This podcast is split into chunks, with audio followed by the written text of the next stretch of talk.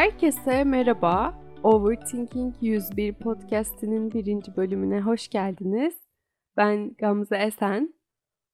Bu bölümü aslında sizinle biraz daha erken paylaşmak istiyordum. Biraz daha erken kaydedip erken paylaşmak istiyordum. Fakat bayramdan sonra bir grip salgınına yakalandım ve sesim biraz bozuldu. Hatta şu an bile böyle biraz bozuksa özür dilerim. Umarım diğer bölümlerde böyle bir sorun olmayacak ama yine de çok hazır olmayı ya da sesimin daha çok düzelmesini beklemek istemedim. Ben de biraz heyecanlıyım çünkü umarım artık kısa süre sonra bu bölümü sizinle paylaşabilirim. Bugün bu bölümde size kendime dair ve hayata dair e, yaşadığım farkındalıkların aslında nereden başladığından bahsetmek istiyorum. Ama tüm bu süreç aslında tabii ki benim üniversiteye gitmemle biraz daha kendime ait, daha bireysel bir hayat kurmamla başladı. Ama onun öncesinde ben kimdim? Nasıl bir ailede büyüdüm? Nasıl bir e, karakterim vardı? Ya karakter burada çok doğru mu bilmiyorum ama insanlara ya da e, hayata dair davranışlarım nasıldı? Biraz bunlardan bahsetmek istiyorum. Çünkü ileriki bölümlerde mesela ben bunu fark ettim derken onun mutlaka bir arka planı var olacak. O yüzden birazcık onun temellerini bugün burada atmak istiyorum. Öncelikle şundan bahsedebilirim. Ben çok kalabalık ve birbirine bağlı bir Anadolu ailesinde büyüdüm. Ee, ve büyürken çok fazla gelenek, görenek öğrendim. Tüm bunlar saygı adı altında bana söyleniyordu ve çok küçük yaştan itibaren bu arada çok büyük kalabalıklar içinde büyüdüm. Bir yaşıtım yoktu ailemde. Dolayısıyla ben de daha çok teyzemlerle ve halamlarla büyüdüm. Ve onlarla büyürken de aslında biraz onların hayat görüşleri doğrultusunda büyümüş oldum. Ee, bunun bana getirdiği çok fazla avantajla birlikte bazen bazı durumlarda dezavantajları da oldu. Ee, mesela biraz daha aslında birey olmamı, bireysel olarak düşünmemi, kendime dair e, fikirlerimle baş başa kalmamı ya da onları fark etmemi bir noktada geciktirdi ya da bunları idrak etmem biraz daha zaman aldı. Üniversiteye gitmemle birlikte e, kendime ait bir eve çıkmamla birlikte aslında bu süreçle ve kendimle baş başa kaldım. Ama bundan önce mesela genelde şöyle oluyordu. İşte okuldan geliyordum, annem eşyalarımı hazırlamış hemen giyiniyordum ve biz bir yere gidiyorduk. Çünkü kalabalık bir ailede büyürken haftanın neredeyse 3-4 günü hep ailenizle ve akrabalarınızla vakit geçirmek gerçekten kaçınılmaz oluyor ve bu bizim için de böyleydi. Ve işte bu çok uzun süre yani yıllarca hakikaten liseye kadar filan hep böyle devam etti. Ben bazen bazı yerlere gitmek istemiyor da olsam gitmem gerekiyordu ve gidiyordum.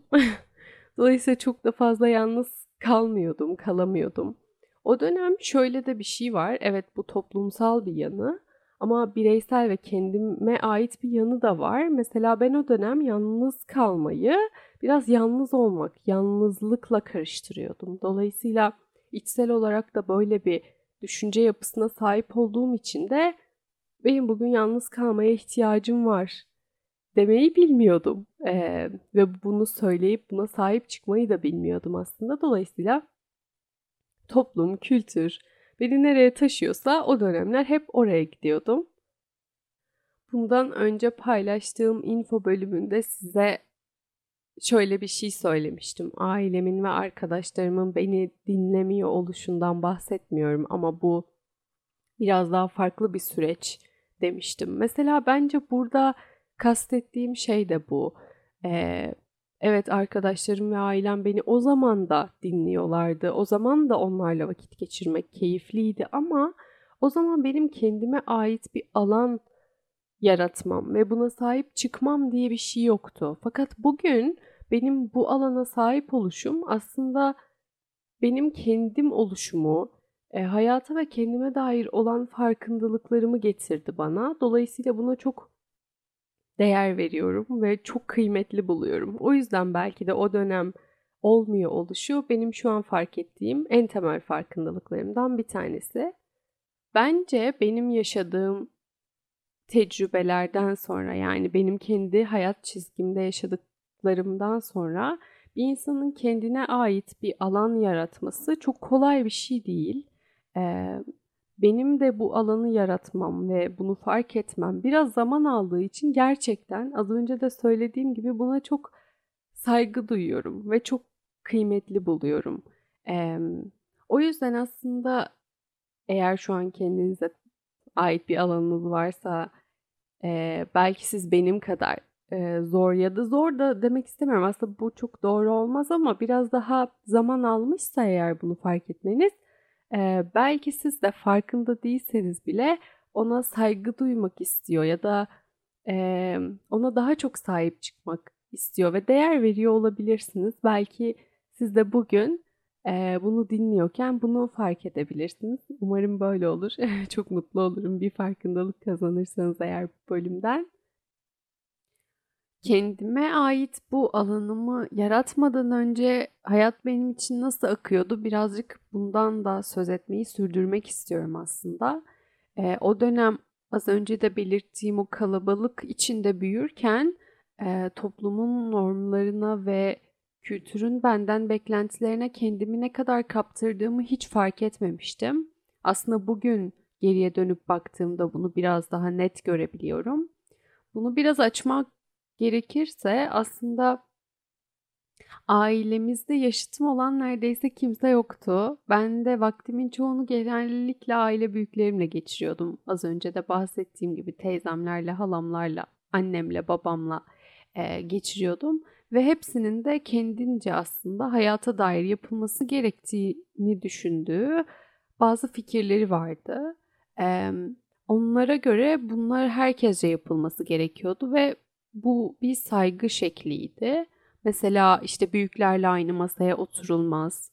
Büyükler konuşurken onlara soru sorulmaz, işte laflarına karışılmaz gibi kalıplaşmış şeyler zaman içinde artık benim iç sesime de dönüşmüştü. Yani bunun hem bireysel hem toplumsal bir yanı var aslında benim için. Mesela toplumsal yanı şu, artık bana söylenen tüm bunlar benim iç sesime de dönüşmüştü ve insanlar artık bunları bana söylemeden de yapıyor olmuştu. Ve liseye geldiğimde hatta liseyi bitirmek üzere olduğum zamana kadar e, bu hep hanım hanımcık bir kız olarak ya da çok olgun biri olarak e, bana yansıtılıyordu bunu o dönemki düşünceme göre övgü olarak alıyordum ve aslında yapıyor olmaya da devam ediyordum. Benim için biraz daha bireysel yanıysa bunu şu an tekrar geriye baktığımda görebiliyorum ama o dönem biraz daha böyle kendi fikirlerimi söylemenin ayıp olduğu kodlanmış zihnime. Yani şöyle bir durum düşünebilirsiniz. Mesela işte bir konu tartışılıyor büyükler tarafından ve ben oradayım. Buna dair bir fikir belirtmek o sırada yanlış, ayıp yani. Çünkü büyüklerin lafına karışmış oluyorsunuz ya da e, onların lafını kesmiş oluyorsunuz vesaire.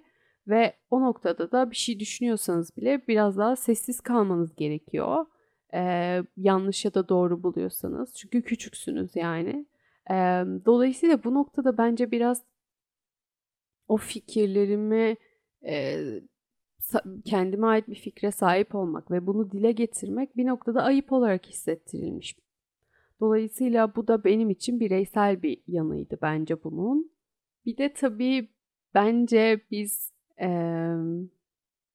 o dönem yani benim gözlemlediğim kadarıyla geçmişin konuşmamayı güzellediği bir neslin çocuklarıyız. Yani işte aman onu öyle söyleme ayıp olur işte şunu şöyle söyleme ayıp olur hani öyle düşünme bu sana düşmez falan gibi şeylerle büyüdük. O yüzden bence bu durumun doğru olmadığını idrak etmekte biraz zaman alabiliyor tabii ki ya da ben öyle düşünüyorum. Evet yani zaman zaman üzerime büyük beden kıyafetler giymiş gibi hissettiğim oluyordu mesela o zamanlarda. Yani ortaokulda belki lisenin başlarında mesela okula gittiğimde de yani çoğunlukla böyle hissediyordum. Bunun içimde bir çatışma yarattığını çok fark etmiyordum o zamanlar. Biraz daha şu anda e, fark edebiliyorum. Çünkü özellikle ortaokulda ve belki ilkokulda çok daha sessiz, içine kapanık ve asosyal biriydim. Bu lisede değişti. Tabii ki lise, lisede nispeten daha kendi arkadaş çevremi oturtmuş, arkadaşlarımla da sosyalleşebilmiş biri olmuştum. Ama bu tabii ki bir noktada bu hanım hanımcık bir kız oluşumdan ödün vermemi gerektirmedi. Ee, bence okulda ki büyükler, okulun yöneticileri, öğretmenlerim vesaire de aslında tam olarak böyle birini bekliyorlar. Yani sorgusuz, sualsiz söylenen şeyleri kabul eden, çok e, tartışmaya girmeden, sorgulamadan. Bu yüzden aslında arkadaşlarım zaman zaman böyle bunu tuhaf karşılayabiliyorlardı ama e, öğretmenlerim ya da benden daha büyükler e, bu durum yani hanım hanımcık olma durumu birazcık övgüyle dile getirildiği için ben de bir gariplik olduğunu çok sezemiyordum o dönem. Tabii bununla ilgili şundan da bahsetmek istiyorum. Ailem hayatımın hiçbir döneminde bana işte oraya gidemezsin, bu saatte eve giremezsin falan gibi kurallar koymadılar. E, kendimi hep özgür hissettiğimi düşünüyordum aslında bu yüzden. Ama e, sosyalleşme adına da çok bir şey bilmiyordum. Bunun sebeplerinden bir tanesi başarı ki bundan ilerleyen bölümlerde daha net, daha fazla bahsetmek istiyorum. Çünkü başarı da benim için çok e, önemli bir konuydu. Ama e, özellikle lisede e, başarı benim için çok önemli bir konuydu. Çok önemli bir şeydi. Arkadaşlarımla vakit geçirmek hayatımın farklı zamanlarında da yapabileceğim bir şeydi. Ama e, lisede var olan dersler öyle değildi yani. Onlara asılmam gerekiyordu, üniversiteyi kazanmam gerekiyordu. Üniversiteyi kazanınca her şey eskisinden daha iyi olacaktı. Bir kapağı atarsam okeydi falan. Hani hep böyle büyümüştüm o zamanlar. Ama inanıyorum ki yani bu benim düşüncem değildi. Zaman içinde bana yüklenen düşüncelerden biri olmalı bu da. Ee, başarılı olmadığımda sevilmeyeceğime dair bir inanç geliştirmiştim o dönem ve farkında olmadan buna inanılmaz sıkı bağlanmıştım yani.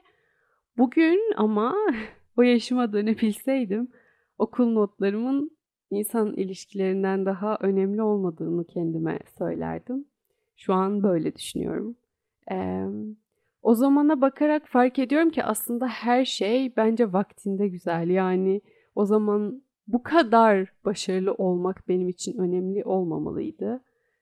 Bence biraz daha arkadaşlarımla da vakit geçirmeliydim ki o e, hanım hanımcık olma durumunu ya da fazla büyük olma durumunu biraz fark edebileyim. Yani aslında günümüzde de bunun gelişim çağındaki çocuklar için sağlıksız olduğunu ve işte çatışmanın itaat etmekten daha sağlıklı olduğunu bilimsel çalışmalarla da görüyoruz. Belki e, okulda özellikle işte psikoloji dersleri alırken ya da e, sosyoloji derslerinde tüm bunların anlamlarının neler olduğunu gördükçe, bu çalışmaları inceledikçe böyle bir farkındalık geliştirmişimdir. E, ama o dönemde dediğim gibi belki biraz daha erken fark edebilirdim bunu. O yüzden beni dinleyen lise öğrencileri varsa e, bence bu süreçte bir denge gerektiriyor. Yani evet başarılı olmak ya da ne bileyim dersleri yoğun bir şekilde takip etmek e, gerçekten önemli. Ama bu sizin hayat kalitenizi etkiliyor olmamalı. Arkadaşlarınızla ya da ailenizle ilişkinizi bu kadar etkiliyor olmamalı. Bence bunun da dengesini en iyi siz biliyor olmalısınız. Belki anlattıklarım sizde küçük de olsa bir farkındalık yaratabilir. Neyse bu başarı konusunu şimdilik birazcık rafa kaldırıyorum. İlerleyen bölümlerde dediğim gibi tekrar değiniyor olacağım. Ama bu bahsettiğim diğer konuyu Nihan Kaya'nın İyi Aile Yoktur kitabını okurken de biraz hissetmiştim ve bazı farkındalıklar kazanmama sebep olmuştu. Bu referansla da size biraz anlatabilirim aslında. Kendisi şöyle isimlendiriyor bu durumu. Ailemizin ve ailemizin ailesi olan kültürün bize yüklediği bazı gereklilikler olduğunu söylüyor ve bizim zaman içinde kendi benliğimizden uzaklaşıp böyle tek tip aslında herkesin o kurallara uyum sağladığı bireylere dönüşmemize sebep olduğunu söylüyor. Şimdi o zamanlar aslında bilmiyordum ama bence bunu yaşayan tek kişi de ben değilim. Yani eminim böyle şeyleri hayatının belirli dönemlerinde yaşayan ya da yaşamış ama şu an hala farkında olamayan insanlar da olabilir. Umarım bu bölüm onlara da ulaşabilir. Bunu gerçekten çok isterim. Ee, ama bunu kavrayabiliyorum yani hayatta çünkü bin bir çeşit olay var olsa da ortak duygular var. Bunlar da bence onlardan biri. Mesela Nihan Kaya'ya göre her çocuk kendi özünü ve yeteneklerini bilerek doğuyor. Bunun toplum tarafından bastırılması ya da kaybolup gittiği anlamına da gelmiyor. Yazar insan ruhu var oldukça insanın bunu geliştirebileceğini ve dönüştürebileceğini söylüyor. Bence bu hangi yaşta olursak olalım çok umut vaat bir şey. Bence eğer okumadıysanız e, eminim size de kendinize dair birçok şeyi fark etmenize yardımcı olabilir. E, o yüzden iyi Aile Yoktur kitabını bu bölümde size önerebilirim. Kendi farkındalıklarıma geri dönecek olursam, üniversiteye geldiğim ilk yıllarda Ece Targıt'tan ilham alarak yoga ve meditasyona başlamıştım. Ee, ve bir gün yoga sonrası yaptığımız bir meditasyonda meditasyonun ne olduğu ile ilgili bir soru sordu birisi. O dönem e, Flow Studio vardı ve ben orada bir dersteydim. Ve orada şöyle bir cevap verilmişti meditasyonun ne olduğu ile ilgili. Ee, içimizdeki iç sesimizin bize mi ait yoksa bize öğretilen şeylere mi ait olduğunu ortaya çıkarmaya yaradığını söylemişlerdi. Ben bundan inanılmaz etkilenmiştim ve sanırım gerçekten bu da ilk farkındalıklarımdan biriydi. Yani o dönem iç sesim kendime mi ait? Ee, yoksa toplumun, kültürün bana yüklediği şeylere mi ait diye ilk sorduğum zaman o zamandı. Ve uzun bir süre aslında yoga ve meditasyon yapmaya devam ettim. İçimdeki yabancı sesleri serbest bırakmayı öğrendim ya da onları duymayı öğrendim. Çünkü bazen gerçekten duymuyoruz yani. Bu da aslında ilk başta anlattığım o yalnızlık ve kendime ait o bireysel alanı kurmuş olmaktan geldi bana. Ee, açıkçası böyle özetle kendimle tanıştım diyebilirim. Ve kendimi geliştirmek okuduğum kitaplara ya da izlediğim filmlere, kurduğum arkadaşlıklara filan yansıdı. Yani e, hayatım gerçekten o bireysel alanı kurduktan sonra çok daha farklılaşmaya başladı. Ama tabii diğer yandan insanın kendi içine ne kadar derin dalarsa o kadar daha fark edilecek şey olduğuyla karşılaşması da benim bir farkındalığım oldu. Bunu da burada tabii belirtmek istiyorum. En azından bu alanı yaratmamış biriyseniz sizi nelerin beklediğine dair bir farkındalık olur belki. Tabii hepimiz hayatımıza dair birer yolculuktayız ve kendi hikayelerimizi oluşturmaya çalışıyoruz aslında. Maslow'un tabiriyle kendimizi gerçekleştirmek istiyoruz. Ben size de yoga ve meditasyona başlayın işte bu sizin hayatınızı değiştirecek, farkındalığınızı arttıracak diyemem. Bunu bir başlangıç olarak önerebilirim sadece. Size iyi gelecek şeyin ne olduğunu yine sizin keşfetmeniz gerekecek. Ama kendi farkındalık sürecimde bana iyi gelen şeyleri sizlerle paylaşıp sizin de sürecinize katkı sağlamak en büyük motivasyonlarımdan biri. Ayrıca tüm bunlardan bahsediyor olmak aslında bir noktada sesli düşünmek gibi de hissettiriyor bana bir keşke olarak değil ama bir fark ediş, kabul ediş ve bir noktada da serbest bırakmak adına bir adım atmak gibi düşünülebilir bence. Çünkü ben kendi içimden geleni, elimden gelen en iyi şekilde yaptığımda bunun hayata da katkı sağlayacağına inanıyorum. Umarım hepimiz kendi içimizden geleni, elimizden gelen en iyi şekilde yapabiliriz. Sanırım bugün anlatmak istediklerim bu kadar. Beni bu noktaya kadar dinlediğiniz için çok teşekkür ederim. Her ne yapıyorsanız size eşlik etmeme izin verdiğiniz için çok teşekkür ederim. Dilerim size ve hayata katkısı olan bir bölüm olmuştur. Podcast ile ilgili tüm gelişmeleri takip etmek, yorum yapmak ya da fikir vermek isterseniz bize Instagram üzerinden Overthinking 101 Podcast ismini aratarak ulaşabilirsiniz. Yeni bir bölümde görüşünceye dek şimdilik hoşçakalın.